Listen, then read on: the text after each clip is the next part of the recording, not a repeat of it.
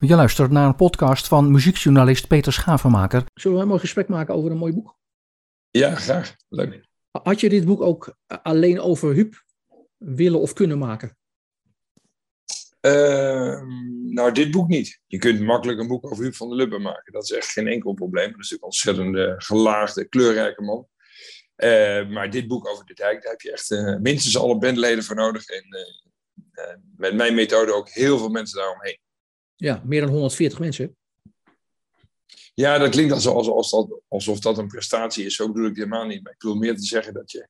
Het varieert bovendien ook. De ene spreek je een half uur of uh, drie kwartier. En er zijn mensen die ik uh, onder de bandleden ja, hele middagen heb besproken, meerdere keren. Dus dat, is, dat varieert enorm. Ja, maar het is ook juist volgens mij je insteek geweest om alleen een boek over Huub te maken. Je wilde altijd, hè, gezegd, het briefje in de bus ging over de dijk. Ja, absoluut. Ja, dit ging over de dijk, zeker. Ja. Um, is het gelukt om uh, tot het hart van de band door te dringen uiteindelijk, als je alle pagina's bij elkaar optelt? Uh, dat denk ik wel, maar dat moet jij zelf oordelen als, als lezer. ja, maar goed, jij hebt natuurlijk wel van tevoren iets waarvan je denkt, nou, ik, ik wil een boek maken en dat zijn een beetje mijn doelen. Nou kijk, ik, ik denk dat ik, ik ben verder gekomen dan ik vooraf had gehoopt.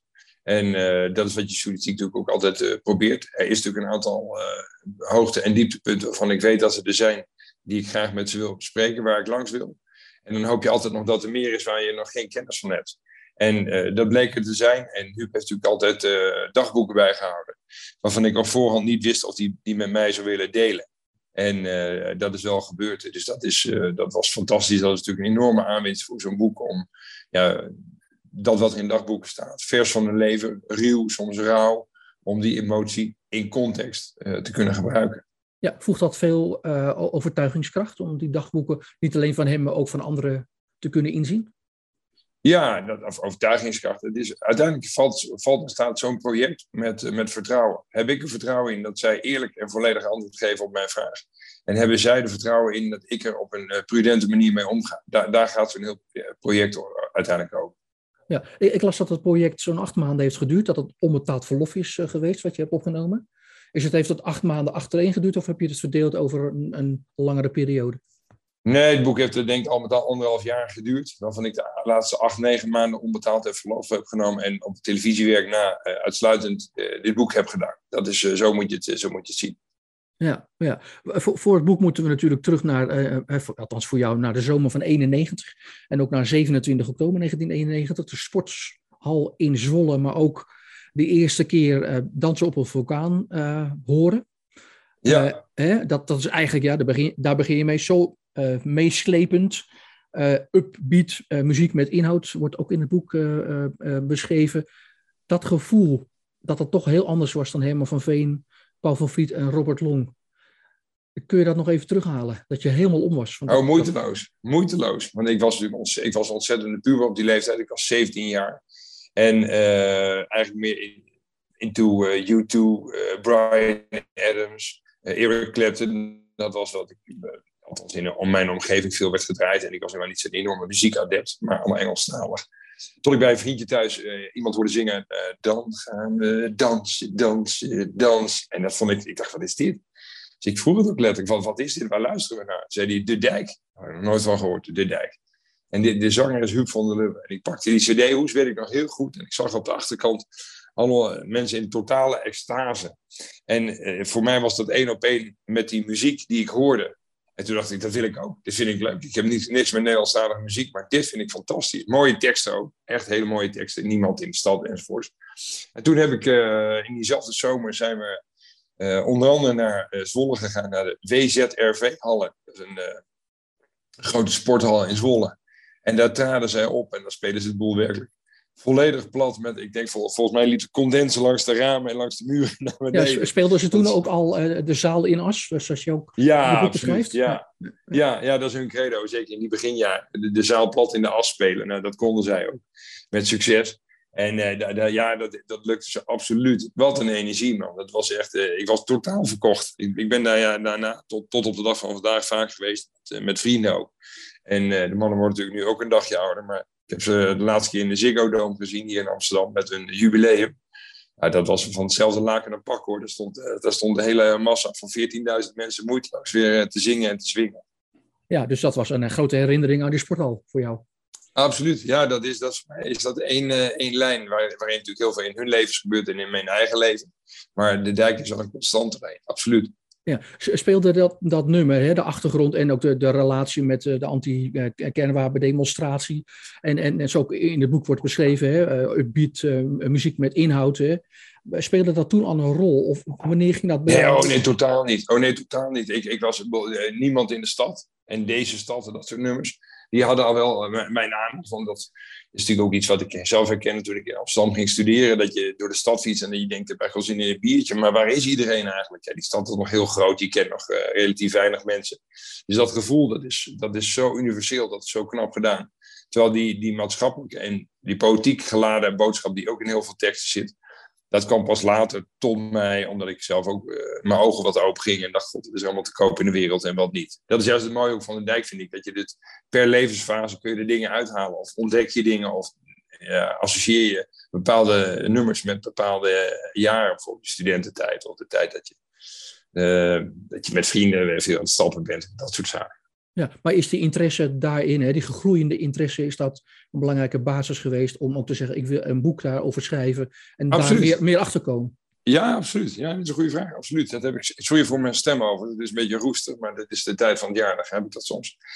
Um, maar uh, nee, dat is absoluut zo. Dus dan de directe aanleiding voor het boek was een uh, huiskamerconcert van Huub van der Lubbe in Amsterdam Noord op een woonboot, een jaar of twee geleden.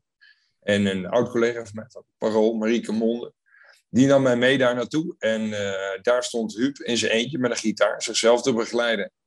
En dat, dat deed hij hartstikke mooi. Hij heeft een geweldig voordracht en een hele goede performance. Maar het contrast met de dijk, met de band, met, met iedereen achter zich, dat was natuurlijk wel dat was enorm. En dat vond ik ook heel treffend. Dat ik dacht, ja, dit is natuurlijk ook de metamorfose die hij, of metamorfose, de ontwikkeling die hij zelf heeft doorgemaakt als muzikant, als, als theaterdier maar ook die de dijk heeft doorgemaakt. Want dat, ja, een nummer als uh, Ik heb geen cent te makken, dat was toen heel actueel en uh, volledig autobiografisch. Ja, dat zingen ze nu nog wel eens, maar dat, is, dat heeft weinig meer met hun huidige situatie te maken. Integendeel zou ik dus zeggen. ja, ja, je, je hoeft financieel geen medelijden te hebben met deze mannen. Ze hadden overigens veel en veel meer geld kunnen verdienen als ze hadden gewild, maar daar waren ze niet echt op gericht. Nee, maar terug naar je vraag. een klein schandaaltje in je boek met een boekhouder, maar dat gaat met elke band eh, gaat dat zo, hè? zelfs met de Beatles en de Stones, die zijn belazerd, toch? Bedoel, ja, ja. En goed dat je dat hebt benoemd, overigens. Dat is wel heel eerlijk dat je dat ook uh, zo benoemt. Ja, zeker. Ja, dat is belangrijk. Het is een journalistiek boek, hè, dus ik laat de hoogtepunten zien, maar ook de, de, de rimpelingen die er zijn geweest in die 40 jaar en soms zelfs meer dan een rimpeling. En dat geeft het, eh, het verhaal van de, van de dijk, wat natuurlijk een ongekend succesverhaal is. Maar dat geeft het wel het relief dat het ook heeft en naar mijn idee ook moet hebben. Want dat is het echte verhaal. Ja, de hamvraag volgens mij, wat gebeurde er al die jaren achter de schermen? Dat is iets volgens mij wat misschien wel de hamvraag zou kunnen zijn. Zo benoem je hem volgens mij ook.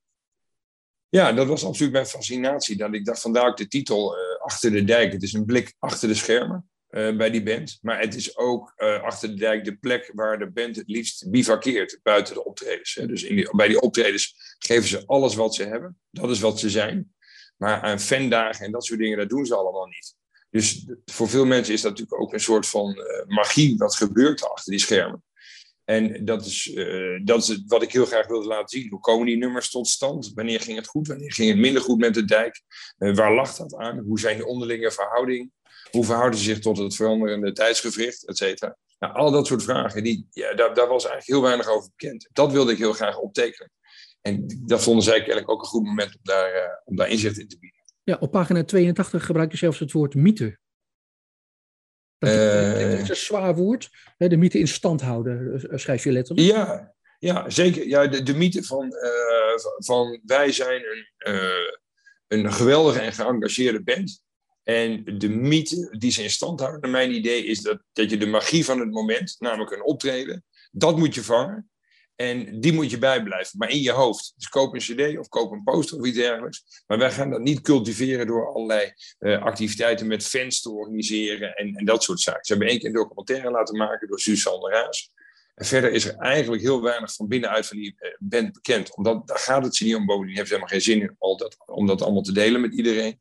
Dus de, de mythe van uh, de magie van het moment vasthouden van het optreden. Dat is wat zij al die jaren ook heel goed hebben, heel knap hebben gedaan. Ja, maar dan gaat het puur over de unieke manier waarop zij uh, concerten doen. Niet zozeer over de mythe van de band, bedoel je? Absoluut. Ja, ja de, de, de mythe van de band die is er ook. En die, die, daar zijn ze niet op uit geweest om die in stand te houden. Maar dat was wel het feitelijk gevolg van wie de mannen zijn. Dat ze daar niet zoveel zin hebben om, dat te delen. Waardoor het voor veel buitenstaanders een mythe wordt van... God, hoe, hoe zijn die verhoudingen nou onderling? Hoe, verhouden ze zich tot elkaar? En hoe komen die nummers tot stand? En wel, welke periode reflecteert dat eigenlijk? Ja, maar, maar na, het, ja, na het lezen van je boek heb ik wel het idee dat je... Uh, wel wat meer van dat voetbalteam hebt laten zien hoe dat team eruit ja, ziet. Zeg maar niet, niet de, per se de mythe doorprikken, maar wel hoe, dat team, dat voetbalteam, hè, want zo, zo, noem je het ook, sfeer van het voetbalteam, zei je in de Stentor, in het gesprek met Thijs Boelens, um, dat je daar meer van hebt laten zien in het boek. Ja, absoluut. Dat, dat, is natuurlijk het grote doel. Hoe, hoe kun je zo lang zo succesvol zijn als band? En uh, met al die deelvragen, hoe, hoe zijn de verhoudingen, hoe komen die nummers tot stand, wat reflecteert het, et cetera. Dus die metafoor van het voetbalteam, die gaat, is naar mijn idee het beste, daarom heb ik het gebruikt. Omdat het net als bij, bij een voetbalteam, althans ik heb, ik heb lang gevoetbald, dat heeft ook iets magisch met elkaar. Je, je deelt namelijk de liefde voor de sport en je wint en je verliest met elkaar. En dat is uh, samen in een busje of een auto op weg naar een uitwedstrijd. En de afloop misschien een kratje bier onder de douche met elkaar. En mooie verhalen, sterke verhalen en grappen met elkaar. Maar wat je bindt is dat voetbal. Als je zelf ooit in een ander team gaat spelen omdat je verhuist of een team hoger of team lager gaat. Dan denk je, oh, waar gaan we elkaar? Dan gaan we nog een reunie organiseren en zo. Dat gebeurt misschien enkele keer. Maar het is ook niet per, se dat dat allemaal vrienden van elkaar zijn. Het is de, de voetbal, wat die mensen bindt. En dat is bij de dijk die, de equivalent daarvan. Het is de muziek die ze bindt. En die mannen hebben zeker ook een vriendschappelijke verhouding met elkaar. Maar zijn het de allerbeste vrienden van elkaar allemaal? Nee, dat is niet zo. Dat pretenderen ze ook helemaal niet. Maar het is die muziek primair die ze bij elkaar houdt. En de liefde voor de muziek, die unieke muziek die ze maken. Dat is het. Ja, de bijnaam zou kunnen zijn de AFC De Dijk misschien. Uh, ja, waar niet dat dat volgens mij een voetbalclub in Amsterdam is. Dus die naam zullen ze niet snel aannemen. nee, bij wijze van spreken met de metafoor, toch? Ja, zeker. Ja, absoluut. Ja, uh, de Zaanse historie is een belangrijk onderdeel, maar zo, zo niet de basis van alles natuurlijk. Hè. ik weet niet of je het boek kent, de Zaanse pophistorie. daarin wordt de Zaanse ehm, roots, hè, wordt gezegd, dat wordt nooit, nooit vergeten. Hoe, hoe kijk jij daar naar, die Zaanse roots? Uh, ja, die, die is onmiskenbaar. Het is zo, de meeste zijn geboren uh, Amsterdammers. En het, is, het is bovenal Amsterdamse band, ook omdat ze daar zijn opgericht, et cetera. Maar de broers van de Huub en Hans, die natuurlijk allebei in de band spelen, en Nico Artsbach hebben daar echt heel erg lang gewoond. Van de Lubbe een hele jeugd. En Nico Artsbach nog daarna heel lang, in zijn volwassen ook bij de dijk. Dus die, die, die mentaliteit zit er absoluut in. Dus, en voor mij is dat mannen met van niet, niet al te veel woorden en uh, een. En complimenten zijn schaars, maar je voelt dat het goed is. En, en liever spelen dan praten. Dat, dat, dat, dat is voor mij heel kort de Zaanse mentaliteit. Ja, de, de, de krommenie is duidelijk te horen in de, in de band, toch? Zeker, ja, absoluut. Ja, eh, wat ik leuk vind is, hè, tegen, de, uh, uh, tegen de burgerlijke moraal en de suffe disco-muziek maakte ze in 79 blij dat ik, dat, dat morgen maandag is. Dat miste ik in je boek, die titel van dat eerste, die eerste single. Ja, nou, al was het maar omdat hij niet van de dijk is, maar die is van Stampij, de voorloper van de dijk. Dus dat is de reden dat je onder de naam van de dijk niet hebt gezien, maar die hebben zij met Stampij gemaakt. Maar je schrijft wel dus over komt... Stampij. Je schrijft wel over Stampij. Ja, ja, dat nummer komt ook al voorbij. Ja, ja. Wat, wat vind je van dat nummer en de tijd dat zij zo die muziek maakte? Wat voor basis ligt er nou, dat weet je, dat, dat, is, dat is mijn, ik, dan baseer ik me heel erg op die bronnen, omdat ik dan, dan zelf nog piepjong ben. Dus ik, ben, ik, ik, ik kan zelf amper mijn veten strikken. Dus dan, ik heb daar zelf niet zo actieve herinnering aan. Maar je ziet heel erg de ontwikkeling. En dat is het mooie, vind ik, van die teksten van Huub van der Lubbe. Naast het feit dat hij uh, echt een ontzettende woordgoochelaar is, echt prachtig, is zijn die teksten veelal autobiografisch. Dus als je die teksten goed beluistert, of leest zelfs in een van zijn tekstboeken, dan zie je zijn leven zit voltrekken. Dus dan zie je een man vol van energie en vol van idealen die denkt de, wereld te gaan veranderen en te verbeteren. En gaandeweg de decennia ja, ja, voor, voorbij kruipen, ook wel door heeft. Ja, man, als ik in mijn eigen omgeving met mijn vrouw en met mijn dochter Mira het allemaal goed voor elkaar heb, dan ben ik al een heel eind. En als ik mensen nog een beetje plezier kan geven en de boodschap in ieder geval verkondigen dat we fatsoenlijk en respectvol met elkaar en met de wereld en de, en, en de, en de aarde om moeten gaan, dan ben ik al echt heel ver in het leven. Maar dat duurt wel natuurlijk een tijd. Dat vind ik het mooie van, van, van die teksten van Huub van Lubbe, die dus beginnen met, met die, de volbloed idealist. En hij is nu uh, iets meer realist. Ja, dus dat is wel afgekalfd. Die, zeg maar, dat nou ja, afgekalfd, dat is, dat is iets wat veel mensen natuurlijk herkennen. Dat je, je, je wordt een beetje gewassen door het leven. En uh, merkt dat je invloed op hoe de dingen gaan in de wereld maar heel beperkt is. En zelfs als je van der Lubbe uh, bent, met een heel groot podium en een geweldige voordracht, dat de invloed uh, op anderen nog steeds maar beperkt is. Ja, dat boek waar ik het over had, de Zaanse pophistorie, schrijft ook over vaste taakverdeling en het democratische van de dijk. Die vaste taakverdeling lijkt me duidelijk, dat beschrijf je ook in je boek, hè, de verschillende mensen die arrangementen maken en de rollen. Zie je dat ook zo? Dat, dat, is, dat is in die zin ook in een soort voetbalteam met een goede aanvoerder, een goede spits. Ja, absoluut, absoluut. Ik zou denken dat Anthony Broek zou ik de aanvoerder noemen. En, uh, en Huub van Lubbe is de, is de, de makkelijk scorende spits. Dat zou ik absoluut, die metafoor kun je absoluut uh, kun je trekken. En die taakverdeling is bij de dijk ook heel duidelijk. Anthony Broek, de drummer, is de, de, de muzikale ruggengraat van de band. Die bepaalt eigenlijk de norm. Heeft onwaarschijnlijk veel kennis van muziek. Dat is echt, ik zou er geen, ik zou er geen pubquiz mee aangaan. Zou ik tegen iedereen zeggen. Want die man die, die, die leeft gewoon muziek. Vanaf het moment dat hij klaar was met zijn gymnasium. Is hij vol, uh, voltijds gaan drummen. En zich volledig op de muziek gestort. En ieder gulden die hij toen had, heeft hij gestoken in platen en encyclopedieën. Om daarover te lezen. En dat zit allemaal in dat hoofd. En daarmee bepaalt hij grotendeels de, de, de norm, het kader, de arrangementen van, van de dijk, waarbij Huub van Lubbe de teksten maakt. En de muziek daarbij veelal door uh, de andere bandleden wordt geschreven met Nico Artsbach, gitarist als hofleverancier. Dus die taakverdeling is heel, uh, is, is heel duidelijk. Ja, de, de, de, een van de gesprekken die je houdt met Antonie, pagina 249, hoofdstuk 15, is eigenlijk hè, een beetje aan het eind van het boek. Uh, ga je een beetje dieper in op die verschillende lange ontmoetingen. Daarin praat je ook met Anthony. Het neemt voor het eerst de tijd voor je hem terug te blikken. Hij wil ook eigenlijk een beetje weten naar de plannen van het boek. En, wat voor rol heeft hij gespeeld? Nou ja, nou, hij is, hij is absoluut een heel belangrijke figuur ook voor, voor het maken van het boek. En dat, er zijn ook mensen die ik, die ik veel heb gesproken die niet eens met naam in het boek voorkomen, omdat ze er veel van weten, maar niet per se noodzakelijk zijn voor mij eh, om aan de lezer duidelijk te maken wie het zijn, omdat dat niet de hoofdmoot van het verhaal is. En bij Anthony is dat absoluut wel zo. Dus ik heb hem misschien wel het meest van allemaal, hoewel ik heb natuurlijk ook heel veel gesproken, uh, een beroep op zijn kennis gedaan en zijn archieven enzovoort. En daar het mooie van die methode is dat je met heel veel mensen praat en dan ook weer teruggaat naar de mensen bij wie je bent geweest om ze voor te leggen wat je nu hebt gevonden en dan te toetsen op waarheid. En zo ja, bouwt het verhaal zich eigenlijk vanzelf. Dan, komen, dan vallen de onderwerpen of uh, thema's vallen er af omdat je denkt, ja, dat, ik dacht dat dat heel belangrijk was, maar dat valt eigenlijk wel mee. Of ik vind iets anders interessanter of belangrijker of groter.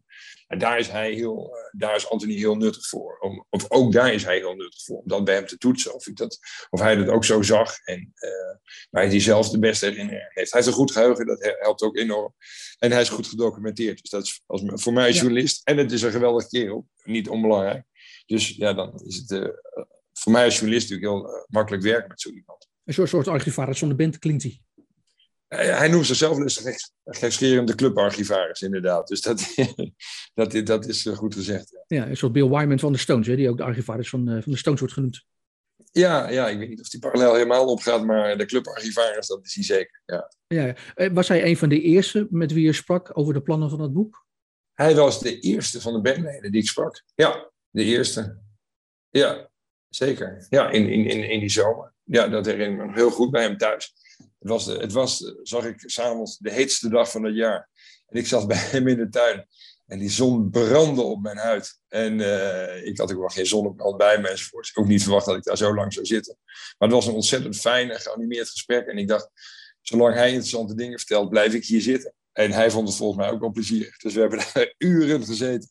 Dus ik had s'avonds een ontzettend verbrand hoofd. maar, uh, maar ook een, een, hoofd vol en een, een kladblok vol met, met, met nieuwe anekdotes en aanknopingspunten. En uh, zaken om uit te zoeken, om archieven om in te duiken enzovoort. Dus dat was een fantastische start. Ja, vanwege zijn rol. Had je, had je het idee dat je zijn tussen haakjes fiat nodig had om die kant op te gaan die je met hem besproken hebt? Nou, zijn Fiat, kijk, wat zij veel doen, en dat begrijp ik, is het een ontzettend populaire band. Er zijn heel veel mensen die iets van, uh, van de dijk willen. En, uh, en ik was een volgende die dat ook weer wilde. Dus uh, je, je moet dan ja, mazzel hebben dat ze denken, dit is een goed verhaal. Of ik, we vertrouwen deze man. Mijn vorige boek ging over Louis van Gaal. En daar heb ik dezelfde methode toegepast. op basis van het WK in Brazilië, waar Nederland derde werd. En dat had ik bij, eh, bij het management van de dijk in de bus gedaan met een briefje erbij. En Anthony was een van de mensen die dat boek had gelezen. En uh, met veel plezier. Dus die zei, uh, laat die gozer maar langskomen. Dus zo, zo is het gegaan. Ja, maar goed, als Anthony zeg maar de, de clubarchivaris is... En, en, jij komt daar met jouw plan en je legt tijdens die monsterlijk hete dag alles op tafel... dan is het wel belangrijk natuurlijk dat hij vanuit zijn kennis zegt tegen, tegen jou, Hugo, ik, ik vertrouw erop. Als hij nou nee had gezegd, of had gezegd van, van trouw toch een beetje in je ideeën gaan toch te ver, of het is toch te veel te kijken achter de dijk, wat, wat was er dan gebeurd? Dan hadden wij dit gesprek nu niet gehad, want dan was er geen boek geweest. Zo simpel is het. Ja, dus in die zin heeft hij een soort, uh, een soort fiat gegeven. Ja, oh, zeker. Hij, hij, hij is de toetsteen voor de band bij veel nieuwe projecten, zoals ook met Sinfonietta, de, de samenwerkingsverband met het Strijkerscollectief. Uh, Waarbij zij echt een geweldige show hebben gemaakt. Dat hebben zij ook, dat komt ook uit zijn koken. En hij heeft dat getoetst en hij heeft dat afgestemd met allerlei mensen die daarbij betrokken waren. En hij zei, jongens, volgens mij moeten we dit gaan doen. Hij is met Huub een aantal keer gaan kijken met, bij andere samenwerkingsverbonden van Sinfonietta, dat strijkerscollectief. En Huub was er enthousiast over. En dan ja, neemt hij de rest, Anthony neemt de rest van de band mee samen met Huub. En uh, toen is dat ook van de grond gekomen. En in bepaalde zin is dat met mijn, met mijn boek inderdaad ook absoluut zo gegaan. Dat Anthony daar enthousiast over was, de enthousiast erover heeft verteld tegen de andere mannen, die ik uiteraard ook uh, heb gesproken. En toen, uh, ja, toen waren we eruit, toen konden we, konden we beginnen. Ja, een belangrijke rol. nog een keer. Om, Zeker. In het boek al gezegd, maar het is mooi om dat nog een keer extra te duiden. Hoe, hoe, zie jij de rol van de dijk in die beroemde jaren tachtig nederpopgolf? Nou, dat is, dat is eigenlijk heel spannend, want uh, zij tekenen als begin een beetje een contract bij, uh, bij het management van Doema. En ze hebben, uh, de inkt van het contract is amper droog, of Doema stopt ermee.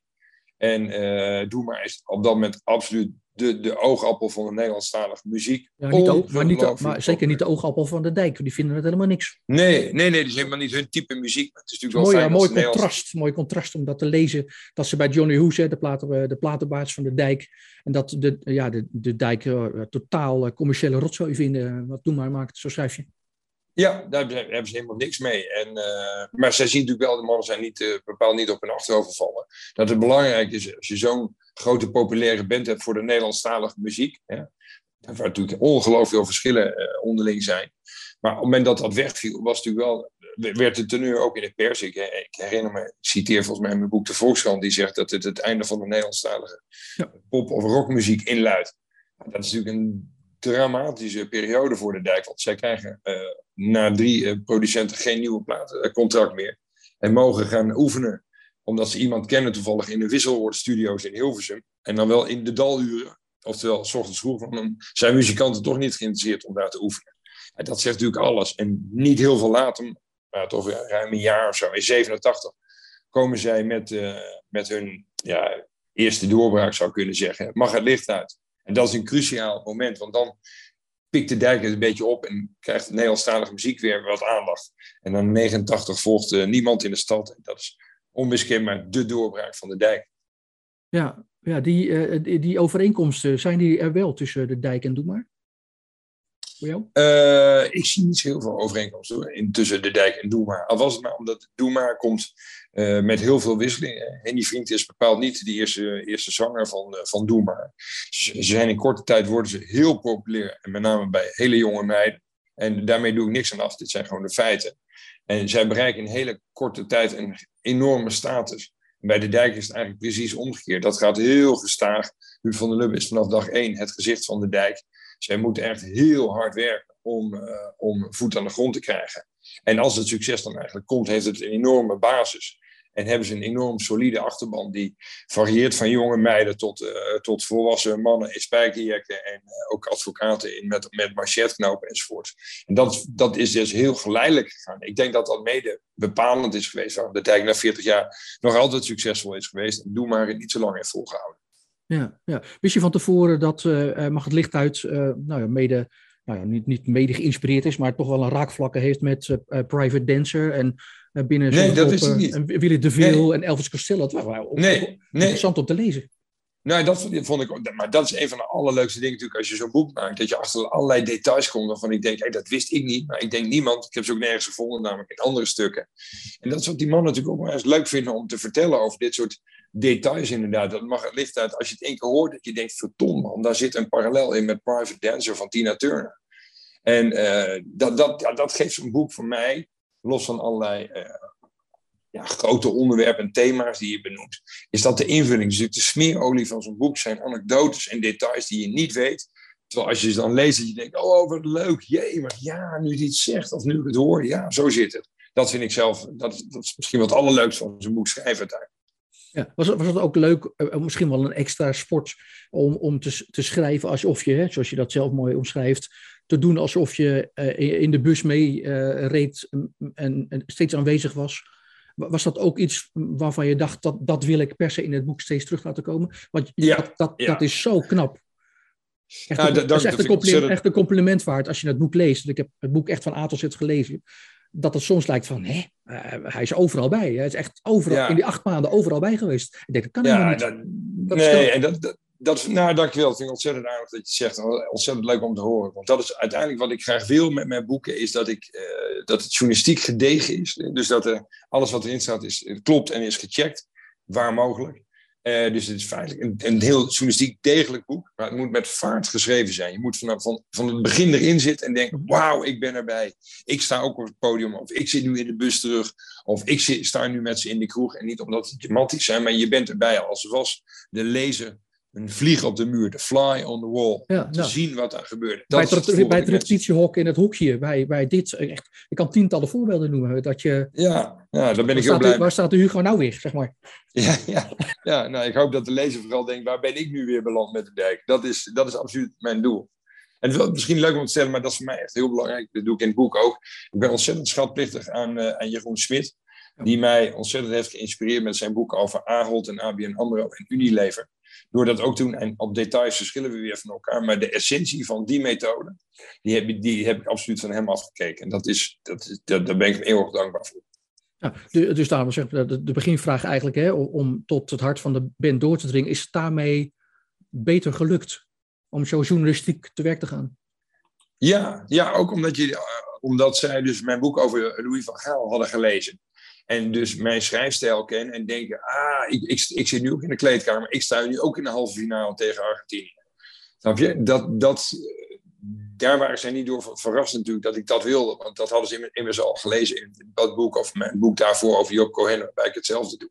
Dus dat is, dat is natuurlijk heel fijn dat je mensen op voorhand een inzicht kunt geven over je werkwijze, waar het toe moet leiden. Dus tijdens die gesprekken begrepen zij soms ook wel waarom ik enorm zat door te vragen op bepaalde details die ogenschijnlijk irrelevant zijn, totdat je weet dat het een hele belangrijke passage is en ieder detail, de kleur van een auto of het aantal deuren van een auto of eh, het, het model eh, Mercedes waar ze in reden, dat het soms opeens wel heel relevant is.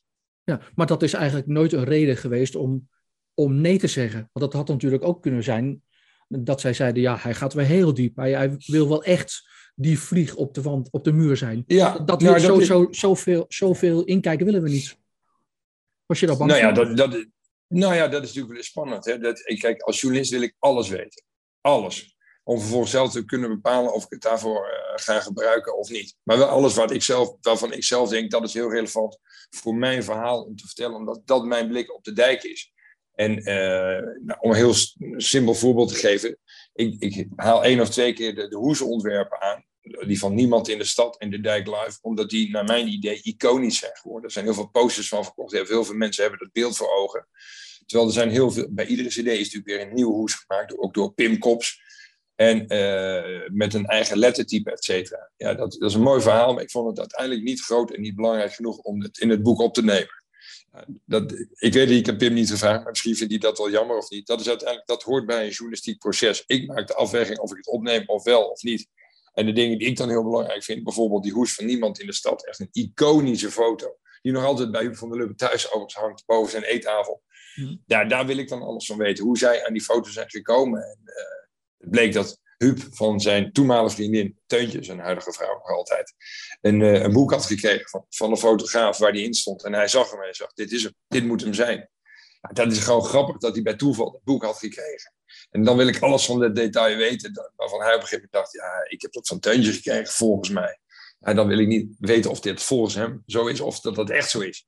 Dus dat heb ik bij Teuntje gecheckt. En die zei, ja, dat klopt inderdaad. Dat boek heb ik aan Huub gegeven. Ze had het nog ergens staan, volgens mij ook. Dus dat is, ja, dat, daar heb ik dan lol in. Dat je dat tot, tot in de kleinste finesses kunt beschrijven. Terwijl dat voor het hele grote plaatje maar een onderdeel is. Maar het geeft het verhaal wel het gevoel dat je erbij bent. Het geeft het verhaal vaart. Het krijgt, het krijgt snelheid. Dus mensen moeten het lezen voor hun plezier. Het moet geen tel als huiswerk voelen. Nee, je, bent je bent gebrand op dat, dat soort details. Absoluut, absoluut, ja. ja. Wat ik ook heel mooi vind in het boek is de, de manier waarop je uh, de rol beschrijft voor hè, de, de, liefde voor vrouwen en de vrouwopvattingen van, uh, van Huub. Pagina 130 gaat het daar uh, over. dat, dat is prachtig over de mannelijke onvolkomenheden en tekortkomingen.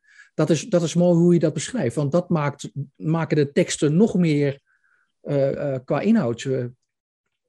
goed dat je daarop op ingezoomd hebt. Ja, maar, maar ook ja, mijn moeder zou nu zeggen: ere wie ere toekomt. Want dat is wat Huub van der Lubbe echt oprecht is. Dat is niet gemaakt, dat is niet gespeeld. Dat is, uh, een van de crewleden is uh, bij een optreden in Groningen hoogzwanger, maar gaat desondanks mee. En heeft hij opgetreden en ziet hij haar weglopen. En zegt hij, waar ga je weg? Ja, hij zegt, ik moet echt gaan, gaan rusten nu. Ik ga naar het hotel. En dan is iedereen net naar een volgende kroeg of zo. Dan loopt hij even met die vrouw mee naar het hotel zodat ze daar veilig aankomt. Ja, dat is Huub van Lubbe ten voeten uit. Dat je net een optreden in de Oosterpoort achter de rug hebt. Maar wel even die vrouw netjes naar het hotel brengt. En vervolgens weer terug gaat naar de kroeg. Kun je denken, dat is een detail. Maar dit is in essentie wie Huub van der Lubbe is. Heeft een, heeft, hij heeft de vrouw in het algemeen ontzettend hoog zitten. Is ook ontzettend op vrouw, vrouwelijke aandacht. En die is ook meer dan genoeg in de afgelopen 40 jaar. Maar dat was zeker in de beginjaren van de dijk. Is dat echt uniek en onderscheidend. En dat je Zoals Barry Hayes zei, ze zijn, uh, vrouwen zijn om in je bed te slepen en om te neuken. Even letterlijk zijn woorden. Uh, dat, dat, zijn, uh, dat zijn woorden die, en teksten die je van Huub van Lubbe niet snel zult aantreffen in interviews of in muziekteksten. Nee, nee, maar het is wel mooi dat je daarop inzoomt en dat je die bewondering en die kwetsbaarheid die hij zo ook beschrijft in de tekst. Veel fans zullen dat misschien niet zo 1, 2, 3 weten. Die, die zingen liever zo'n lied mee tijdens een concert, maar ik weet niet of heel veel, heel veel fans of anderen die de dijk nog niet zo goed kennen, deze kwetsbaarheid in die bewondering zo goed kennen. Ja, nee, dat, dat, maar dat hoop ik. Weet je, zoals er in mijn boek hopelijk heel veel aspecten zitten waarvan mensen denken: God, ik heb nooit geweten dat hij dat prachtige lied, Kan ik iets voor je doen? heeft geschreven voor Loes Luca, de, actrice die getrouwd was met, met, met hun broer Harald. Uh, dat, dat, als iemand mij daar een mailtje over stuurt wat is gebeurd, dat, dat, dat in dit geval een vrouw, dat ontzettend ontroerde. En uh, dat dat lied daarmee nog meer lading heeft gekregen.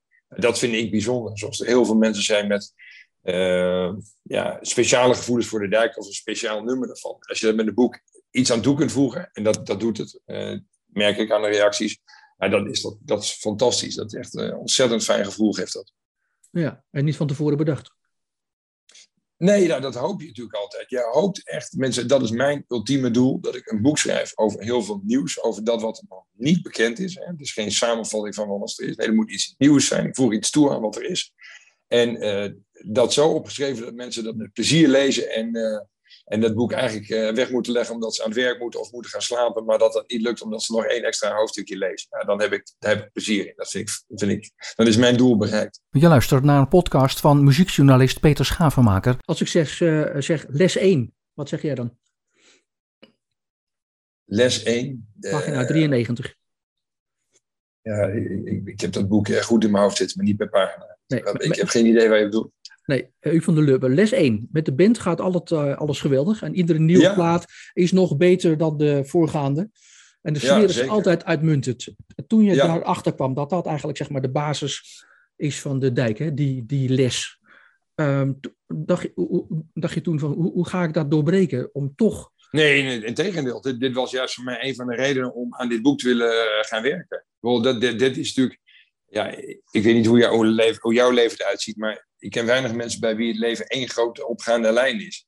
Als iemand zegt met de band gaat het altijd geweldig en de sfeer is uitmuntend, dan begrijp ik het idee daarachter. Namelijk, wij uh, stralen dat uit, want wij maken muziek. En wat er binnen de band gebeurt, dat is voor ons. Dat begrijp ik. Maar dat wekte precies mijn journalistieke interesse. Dat ik dacht, ja... Nou, journalistieke argwaan. Journalistieke argwaan. Ja, zeker. Ja, of interesse, hoe je het wil noemen. Maar dat, dat, dat is precies wat ik dacht. Ja, maar dat wil ik dus weten.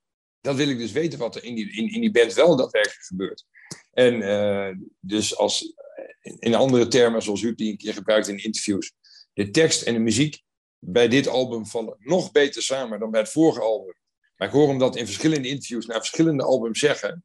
Ja, dan wekt dat ook mijn interesse. Want dat, dat zou betekenen dat ieder album beter is dan het voorgaande. Maar er is geen muzikantenwereld die dat bereikt. Ook de dijk niet. Dus daar zit natuurlijk ook tussen al die succesnummers ook mindere albums tussen. Ja, dat is interessant, want hoe kan dat dan? Was het een mindere periode en waar lag dat dan aan?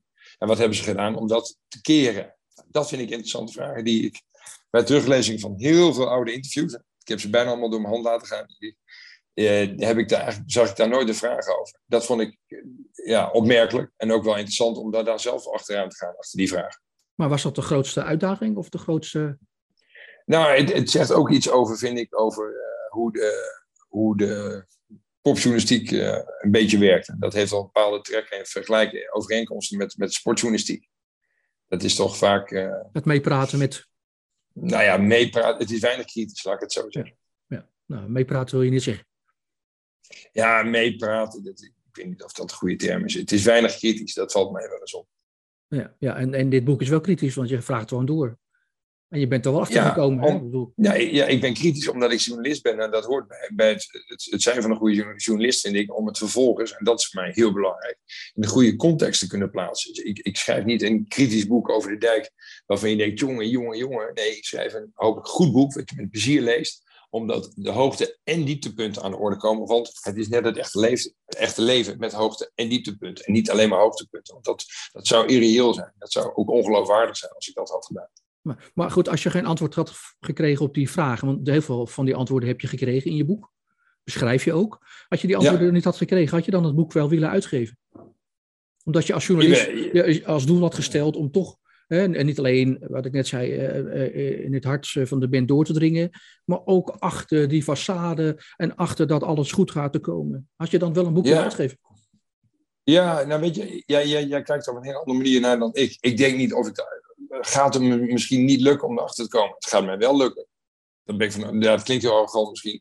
Maar als ik die methode toepas die ik, die ik eh, normaal, normaal gesproken ook toepas, dan gaat me dat lukken. Uh, als je dat op voorhand redelijk wijs kunt inschatten dat mensen mee willen werken, en ervaring die ik zelf heb, en uh, het materiaal wat ik al in handen heb of kon krijgen, dan gaat dat lukken. Dat, ja, dus ik, ik denk niet zo, ik, ja, dus misschien zo sta ik in het leven. Ik denk niet zo snel in, in termen van het gaat niet lukken. Ik denk altijd het gaat wel lukken. Dat maakt het leven eh, over het algemeen veel aangenamer. En uh, mijn les is dat je er ook veel meer mee bereikt. Ja, ik heb ook dezelfde insteek hoor. Maar uh, ik vind het altijd knap als mensen die insteek hebben. Dat, uh, dat dat toch een doel is op zich. Maar het zou ja, je moet, er wel, je moet er wel voor gaan. Je moet, dus want dat is misschien een gekke parallel, maar mensen zeiden ook, ja, gaat je toch niet een boek over en met Louis van Gaal schrijven? Nou, dat denk ik. Ik denk, dat, dat gaat mij wel lukken. Sterker nog, daar ga ik alles aan doen om dat te laten lukken. En dat is gelukt. Ja, dan kun je denken, ja, het is mazzel. Nou, misschien. Maar ik heb in ieder geval de overtuiging dat als je er zo ingaat, dat de kans veel groter is dan uh, dat het lukt. Louis, van Gaal, Louis van Gaal zou zeggen, het begin van succes is het geloof in succes. Daar geloof ik dan weer in, inderdaad. Als je er zelf al niet in gelooft, waarom zouden andere mensen er dan in geloven? Nee, zeker, zeker, zeker. Uh, een van de andere onderwerpen in het boek uh, die veel voorkomt, is, is uh, nou, de constante drang van Huub om te willen stoppen. Nou ja, niet de constante drang om te willen stoppen. Hij wil niet constant stoppen, maar dat speelt met regelmaat op omdat hij bovenmatig getalenteerd is en ook andere dingen wil. Hij wil namelijk ook solo theater in. Hij wil ook nog in films acteren. Hij wil ook nog dichten. Hij wil met zijn, zijn dichtclub Concordia wil hij op pad. En dat moet hij ook, wil hij ook allemaal doen. En dat talent wil hij ontwikkelen. Ja, dat verhoudt zich niet altijd met het ritme van de dijk. En bovendien is, is de dijk een ongelooflijke succesformule, succesmachine ook, waar een heel ja, bedrijf achter schuil gaat, waar allemaal mensen van leven. En dat is ook een enorme druk, want als hij uh, er al niet tijdelijk mee stopt, dan stopt dat voor die andere mensen dus ook. Dat is een enorme verantwoordelijkheid. Veel groter overigens ook nog dan ik me aanvankelijk had gerealiseerd. Dat legt echt enorme druk op, uh, op in dit geval Huub van der Lubbe. Dus ik begrijp wel dat hij af en toe dacht, ja, wil ik dit nog wel? En uh, dat speelde een rol. Het speelde ook het geluid. Hij heeft last van tinnitus, hè, oorzuizen. Ja, dat, dat maakt het ook niet zo makkelijk natuurlijk als je in, in zalen speelt met stenen vloeren en houten plafonds en die ook nog iets iets te laag hangen. Als je dan de dijk uh, binnenhaalt met, met acht muzikanten op het podium, ja, dan is dat niet een geweldige combinatie. Dus vaak kon ik Huub al volgen dat hij dacht, ja, wil ik dit nog wel? Dus dat was dan de, de verzuchting die hij had van, ja jongens, ik wil ermee stoppen. En dat werd ook een soort van running gag, waarbij uh, Roland Brunt, de saxofonist, ontzettend grappige man, die zegt dan een keer, terwijl hij het gesprek maar half heeft gevolgd, maar al aanvoelt waar het toe gaat. Eh, wat is er Gaat u, wil, Huub weer wil Huub er weer eens mee stoppen? Of dan is de angel eigenlijk alweer uit de discussie van, ja, kom, we moeten het erover hebben en dan gaan we door, jongens. Alleen. het wordt natuurlijk ook op een bepaald moment heel serieus dat hij er echt mee wil stoppen. En die, die beschrijf ik uiteraard ook. Ja, maar, maar jij begrijpt wel dat hij af en toe even zo'n uh, zo'n onderhoudsbeurt wil, zoals je dat op pagina 139 beschrijft. Nou, sterker nog, ik, ik, ik, ik vond het steeds begrijpelijker gaandeweg. En ik was eigenlijk wel verbaasd dat, die, uh, dat de, de, andere bandleden aanvankelijk dat niet zo door hadden en bang, uh, bang waren dat de dijk zou ophouden. Terwijl ik zou denken, goed, misschien is dat te simpel gedacht. Ik zou zeggen tegen Huub, als hij wel uh, iets anders wil gaan doen, kom, laten we morgenavond even een biertje drinken in de kroeg. Waarom wil je dat zo graag? Waarom wil je zo graag andere dingen doen dan de dijk? Terwijl dat voor hen, voor die andere muzikanten, is de dijk het summum. En dat is voor Huub ook wel zo. Maar er zijn nog meer andere dingen, andere dingen die hij ook heel graag wil doen. Dus dat, dat, dat, dat was meer mijn verbazing. Dat ik, dat ik dacht, begrijpen die andere mannen in die beginjaren wel waarom hij dat wil doen? Ik durf namelijk te zeggen dat als Huub van der Lubbe die uitstapjes niet had gemaakt, dan had de dijk niet meer bestaan op dit moment. Ja, ja zo, zo zwart-wit zeg je net ook. Ja, dat, dat maar, dat is ook, ja. maar dat is ook echt zo. Dat, maar hij laat daar de batterij mee op. Hij laat iets anders van zichzelf zien. Hij staat, in coronatijd was ik natuurlijk veel bij hem voor dit boek. Dat hij de dag ervoor opgetreden in een kerk in Zaandam. In zijn eentje. En ik zei, hoe was het? Hij zei, zo spannend. Ik zei, waarom? Hij zegt, het is spannender dan optreden met de dijk. Ik zei, echt? Ja, zegt hij, ik sta er alleen. Hè. Ik moet het doen. De muziek moet goed zijn. Ik moet mijn eigen gitaarspel moet goed zijn. Mijn stem moet goed zijn. En als een van die dingen niet goed is, ligt het aan mij. Terwijl als ze optreden met de dijk, is dat zo'n vangnet. Die band is zo goed. Nee, ik, ik, ik loop naar binnen, en het, althans, ik loop het podium op. En ik word erin meegezogen en dan gaan we met z'n allen. Nou, dat is natuurlijk fantastisch om te zien. Dat je, hij is 68 inmiddels dat je eh, op die leeftijd nog zo gretig bent en met een gitaar achter in je auto naar Zaandam rijdt om voor, ik geloof in dat geval 70 mensen in een hele grote kerk uh, op te treden. Dat, dat vind ik heel fascinerend dat je die, die, die, die drive hebt en die, die wil om beter te worden. Ja, is het ook zo'n onzekerheid? Nou, ik weet niet of dat zijn onzekerheid is. Dat weet ik eigenlijk niet. Ik denk inmiddels dat hij daar wel... Die heeft hij zeker gehad, ook over die periodes. Of hij goed genoeg gitaar kon spelen, et cetera. En als zijn zang, dat is nog weer daarvoor. Als zijn zang wel goed genoeg was, heeft hij ook les voorgenomen enzovoorts. Dat beschrijf ik uiteraard allemaal. Maar inmiddels, hij heeft niet meer de onzekerheid of hij kan zingen en, en, en alleen op kan treden. Nee. nee, dat heeft hij niet meer. Nee, maar het, het, heeft ook heel veel gebracht bij de dijk. Dat ze af en toe sabbaticals hebben genomen. Drie keer tot nu toe, volgens mij. Absoluut, ja. Nee, het heeft heel veel gebracht. En het heeft de dijk ook wel... Na, na de tweede... Eh, nee, na de eerste sabbatical, moet ik goed zeggen, 99... komen ze in 2000 met het album Zevende Hemel. Ik, naar mijn idee is dat een van de mooiste albums van de dijk met geweldige nummers. En je voelt gewoon de, de energie die spuit eruit als je dat vergelijkt met de laatste plaats voor die sabbatical. Nou, nou ja, dan moet je, hoef je niet gestudeerd hebben om te zien dat dat, dat dat contrast heel groot is. Nee, alles komt weer samen, schrijf je in het boek daarover. Ja, absoluut. En, en jongens plezier. En dat is wat voor mij heel erg de dijk is. Die, mannen die, zoals ik vroeger met mijn sporttas over mijn stuur door de weilanden naar de, naar voetbal fietste om te gaan spelen met mijn vriendjes. En uh, in mijn gedachten de, de, Champions League finale zou gaan spelen terwijl er op een vader en een hond naar niemand langs de lijn stond. Dat is ook dat, dat, die, die bijna kinderlijke inspiratie en verwondering en plezier Dat hebben zij nog altijd als ze met elkaar bij Jan Tien Keunen, de manager, in een busje stappen en naar, naar Groningen of naar Middelburg rijden. Dat is, ja, dat is ja, in de goede zin jaloersmakend om te zien dat je denkt, zo, dat, zou je, dat zou je echt iedereen gunnen. Dat je zoveel plezier ontleent aan het leven en aan het spelen en het optreden met elkaar. Dat is echt prachtig om te zien.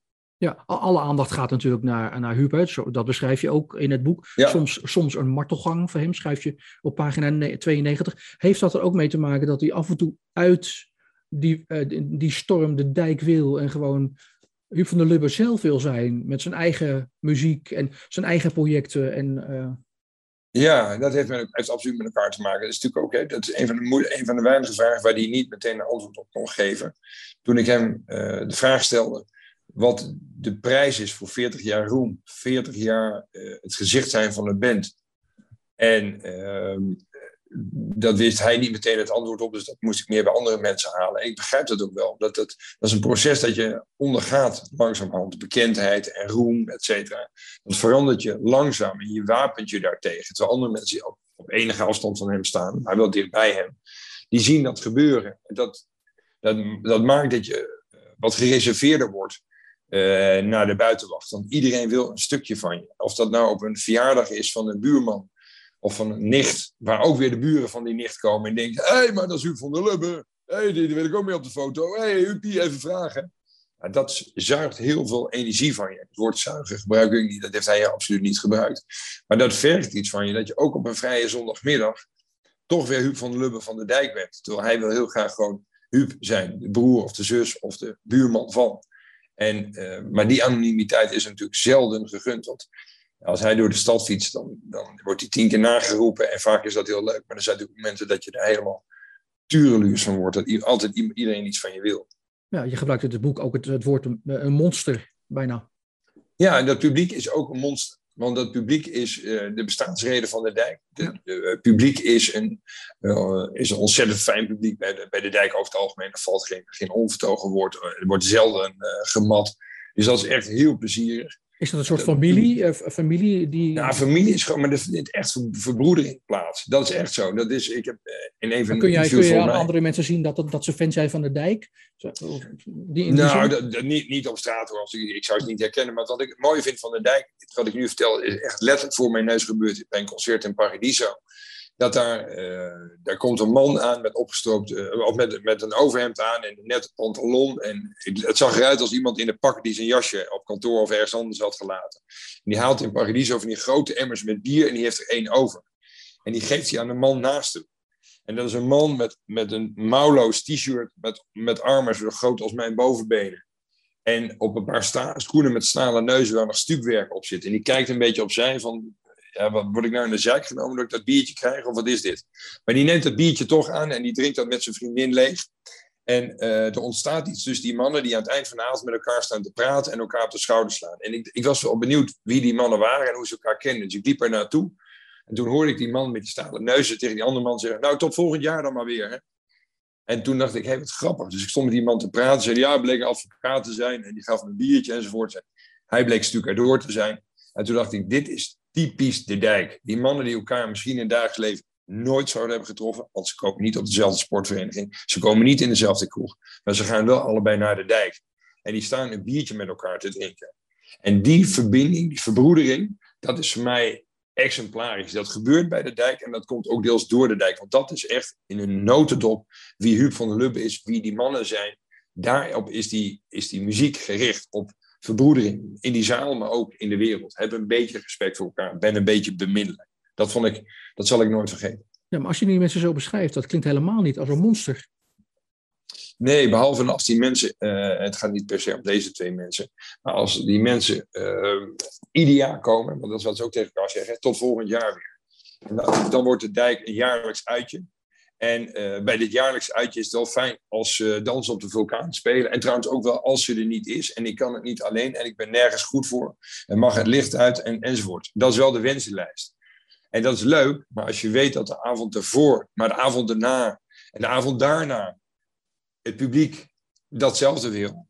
En eigenlijk dat van je verlangt. En als je denkt, oké, als Dijk, de Dijk, we gaan nu een nieuw nummer spelen. En dat is het signaal voor de aanwezigen om bier te gaan halen of even naar de wc te gaan. dan wordt het publiek wel een monster. Want dan verwachten ze iets van je, dat je een soort aap bent en een truc doet, en dat het volgend jaar weer. En dat, is, dat vergt heel veel energie. Als je dat, dus dan begrijp je, begrijp je dat, dat Huub daar wel een beetje cynisch over is. En dat hij ook denkt van, moet ik weer hetzelfde trucje of moet ik weer hetzelfde... het is een soort jukebox aan het worden dan. Hè? Terwijl hij dan liever ja. kiest voor zo'n solo-werk... waarbij hij gewoon voor 70 man in een kerk kan staan. Of, of ja, ja, ja. Al, alhoewel het wordt cynisch zou voor de voor van Lubbe nooit in mijn mond nemen. Want die man is alles behalve cynisch. Maar dat, dat is natuurlijk wel, ja, dat vergt ontzettend veel van je. Dat je dat iedere keer, die mensen komen daar voor één keer de dijk. Die willen een topband zien. Maar dat willen al die mensen als ze komen. Terwijl Huub heeft natuurlijk ook wel eens minder energie of minder. En altijd moeten ze hem toch weer aanzetten om het maximale te presteren. Als ze dan dat repeterende element, en dat zit er natuurlijk in, want je gaat langs dezelfde zalen, en mensen willen veelal dezelfde nummers horen, daar zit natuurlijk iets van een slijtage in. Dat, dat kan niet anders, en zeker als frontman. Dus ik begrijp heel goed dat hij af en toe denkt, en nu even niet. Dat begrijp ik heel goed. Ja, begrijp je dan ook dat hij zegt van het is uh, om te beginnen werk, zoals hij dat in Metsa, de, de bijlage van Tubantia, op 26 september. Dat, dat, dat is dan dat ook weer haaks erop. Het is om te beginnen werk. Ik bedoel, als je ja, ja, daar ben ik eigenlijk verbaasd ook dat hij dat zo zegt. Ja, het, natuurlijk is het werk, want dat is zijn werk. Dat heb je dus een andere associatie dan dat ik heb met werk. Zoals, zoals zijn vrouw Teuntje heel mooi eh, tegen hem kan zeggen als hij een beetje loopt te, te klagen. Je hoeft niet naar de fabriek, hè, Ja, en hij is in de eerste in zijn generatie die niet naar de fabriek hoeft, toch? Precies. Oftewel, weet nog even hoe luxe je leven is. En dat weet u zelf ook wel. Maar alles, uh, soms is een luxe probleem ook een probleem. En dat is in dit geval natuurlijk een beetje zo. Dat je natuurlijk een fantastische baan hebt waar je echt uitverkoren bent. En daar heeft hij zelf ongelooflijk hard voor gewerkt. Maar ik begrijp de opmerking van, van Teuntje, je hoeft niet naar de fabriek. Die begrijp ik ook heel goed. Ja, alles waar hij vroeger van gedroomd heeft is uitgekomen. Wat dat betreft bekend worden. Meer dan dat. Meer dan dat, zegt hij zelf. Meer dan dat. Meer dan waar hij van droomde is uitgekomen. Ja, maar, maar jouw boek duidt ook de manier waarop, hè, waarom die dan steeds die, die onderhoudsbeurt nodig heeft, of die sabbatical, dat is ook mooi. Dat was eerder volgens mij ook nooit zo heel erg duidelijk. Nee, nee dat klopt. Nee, en ook dat het zo ontzettend noodzakelijk was. Want u wil even iets anders doen. Nee, het is een noodzakelijk kwaad. Zonder die dingen zou die gestopt zijn. En je ziet ook waar hij de, uh, de inspiratie vandaan haalt. Met Concordia bijvoorbeeld is een fantastisch verhaal. Die mannen zitten gewoon de eerste keer dat ze uh, met elkaar optreden en nog niet eens een naam hebben, zitten ze met z'n drieën in de trein met de contrabas van Bart de Ruiter naar Enschede, van Amsterdam naar Enschede. En Huub heeft het geregeld en ze treffen elkaar op het perron in op Amsterdam Centraal. de man die met, met bus overal door Nederland wordt gereden, zit gewoon weer met een treinkaartje naar, naar een piepklein uh, theatertje. Overigens heel mooi. Theater Concordia in Enschede aan het plein. En dat bevalt zo goed dat ze hun gezelschap Concordia dopen. En dat, dat is het begin van een ontzettend succesverhaal. Wat overigens heel uh, jammerlijk eindigt, wat ik ook beschrijf uiteraard. Als een nachtkaars schrijf je. Dat, dus dat moet ja, dat hele... gaat als een nachtkaars uit. Ja, maar dat, moet dus een hele uh, raar gevoel zijn voor Huub, dat hij zoiets moois in handen heeft naast zoiets prachtigs als de dijk. En dat dat dan uiteindelijk toch als een nachtkaars uit, dat moet het toch een... Dat, ja, dat, heeft, dat, heeft hem wel pijn gedaan, absoluut. Nee, dat heeft hem zeker verdriet gedaan. Ja. Salomon Burke speelt een belangrijke rol. Uh, uh, ook in je boek veel pagina's aan, aan beschreven. N niet alleen voor, uh, nou, voor de dijk een belangrijk onderwerp. Iets heel bijzonders, om, onbeschrijfelijke eer, maar ook voor jou een belangrijk onderwerp in je boek. Ja, omdat het. Bewust, ja, ik heb bewust veel tijd en aandacht aan besteed. Omdat ik dat het, het summum vond van een Nederlandstalige band. de beste live band van Nederland, vind ik. Uh, die dan inmiddels 30 jaar onderweg is. 30 jaar, dat zijn weinig bands die dat überhaupt uh, gegeven zijn. En dan gebeurt dat, dat ja, toch voor onmogelijk gehouden. Namelijk dat er iemand is die zegt, maar jullie kunnen buiten Nederland optreden. Sterker nog, jullie kunnen wereldberoemd worden als jullie willen. En dat doen we door uh, een idee van de dijk zelf, namelijk hun teksten te, echt goed te vertalen in het Engels met de, de stem van een soul-icoon als Solomon Burke, een man op wiens platen zij op de middelbare school hebben, nog hebben staan dansen. Dat is, dat is te mooi. Als je het voor een filmscript zou bedenken, zou iemand zeggen, nou, ik weet niet of dat heel geloofwaardig is. En dat gebeurt gewoon echt. Dat is een, een, een zo'n bijzonder verband tussen een, een zeer religieuze, maar ook zeer commerciële uh, Amerikaanse soulzanger en die, en die, uh, En die dijkers, dat is, dat is zo'n krankzinnig mooi verhaal. Met alle details die daarbij horen. En dan eindigt dat weer met natuurlijk die enorme tragiek van de, van de, ja, de, de dood van, van Solomon Burke bij aankomst op Schiphol nadat ze die plaat hebben opgenomen. Dat is serieus, dat, daar kun je een documentaire over maken. Dat, dat, daar zit zoveel in. Ja, heel emotioneel om te lezen. Uh, als je dat uh, leest in je boek, vind ik. Moet ze moet ja. dat zelf maar, maar ontdekken, maar niet te veel over uitweiden, vind ik. Maar het is wel prachtig om, omdat je er zo lang stuk over hebt gemaakt. Ja, ook omdat ik dacht, het is, uh, ja, ik heb er veel, veel woorden aan besteed, omdat ik het ook zelf zo metaforisch voor het leven vond. Dat dat kan gebeuren en de hoop die dat geeft en de, de verwachtingen die het schept. En die dan met als, als een, ja, één klap en het is allemaal voorbij. En ja, het is, het is gebeurd. Solomon gaat dood en alle toekomstplannen liggen in duigen. En dan bestaat de band nog steeds 30 of dan inmiddels 31 jaar of zo. Wat gaan we doen? Hoe gaan we verder? En hoe kom je weer uit dat dal? Ja, dat is natuurlijk echt het leven in een notendop. Dat vond ik fantastisch om te beschrijven. Ook omdat het een ontzettend hilarische man is met, met, met de gave van het woord, zoals u dat ook, ook heeft, maar weer op een hele andere manier. En hoe, hoe komen die twee werelden bij elkaar? Dat is zo ontzettend leuk om, om op te schrijven ook. Ja, ik probeer in boeken altijd te zoeken naar sleutelzinnen, sleutelpagina's. Die zitten, wat mij betreft, pagina 231 en 232. Ik neem je niet kwalijk dat je uit je hoofd moet citeren wat daarop staat, maar dat doe ik dan even, zeg maar. De worsteling van Van der Lubbe en uh, dat hij steeds meer in zijn schulp uh, terugkruipt. Is het je gelukt om, om meer over die worsteling te weten te komen, daar meer duiding aan te geven en hem uit zijn schuld te krijgen, in die zin? Uh, ja, mensen, ik denk dat ik dat, uh, daar, ben ik op dat punt verder gekomen dan ik ooit had uh, gedacht, eerlijk gezegd, omdat ik, um, Huub is een ontzettend gelaagde man, heel algemeen ontwikkeld, eloquent, zelfreflectief. Met een, zeker voor een muzikant, gering ego. Nou, dat is al een hele bijzondere combinatie van facetten. Met wie ik uh, natuurlijk heel lange gesprekken heb gevoerd. Waardoor je in iemands ziel kunt duiken. En ook iemands worstelingen kunt mee ondergaan. En ook kunt vragen, wat doe je om daaruit te komen? Dus, en daar, was hij heel eerlijk over. Ook over zijn, de periode dat hij last had van hyperventilatie. En, misschien ook erger hypochondrie, zoals hij het zelf noemt. Hè? Dus denken dat je allerlei kwalen hebt die je niet hebt. Niet kunnen stoppen met roken, et cetera. En daar komt hij uit, daar komt hij ook met hulp, met, met hulp van anderen komt hij daar uit. En uiteindelijk is dat natuurlijk ja, de worsteling van, van, van wie hij is met, de, met alle mogelijkheden die hij heeft binnen de dijk, maar ook met alle andere mogelijkheden die hij aan zijn andere vingers heeft hangen, die hij ook wil ontplooien. Die zoektocht, dat vond ik, dat was misschien wel, uh, nou, het is altijd moeilijk om hiërarchie aan te brengen.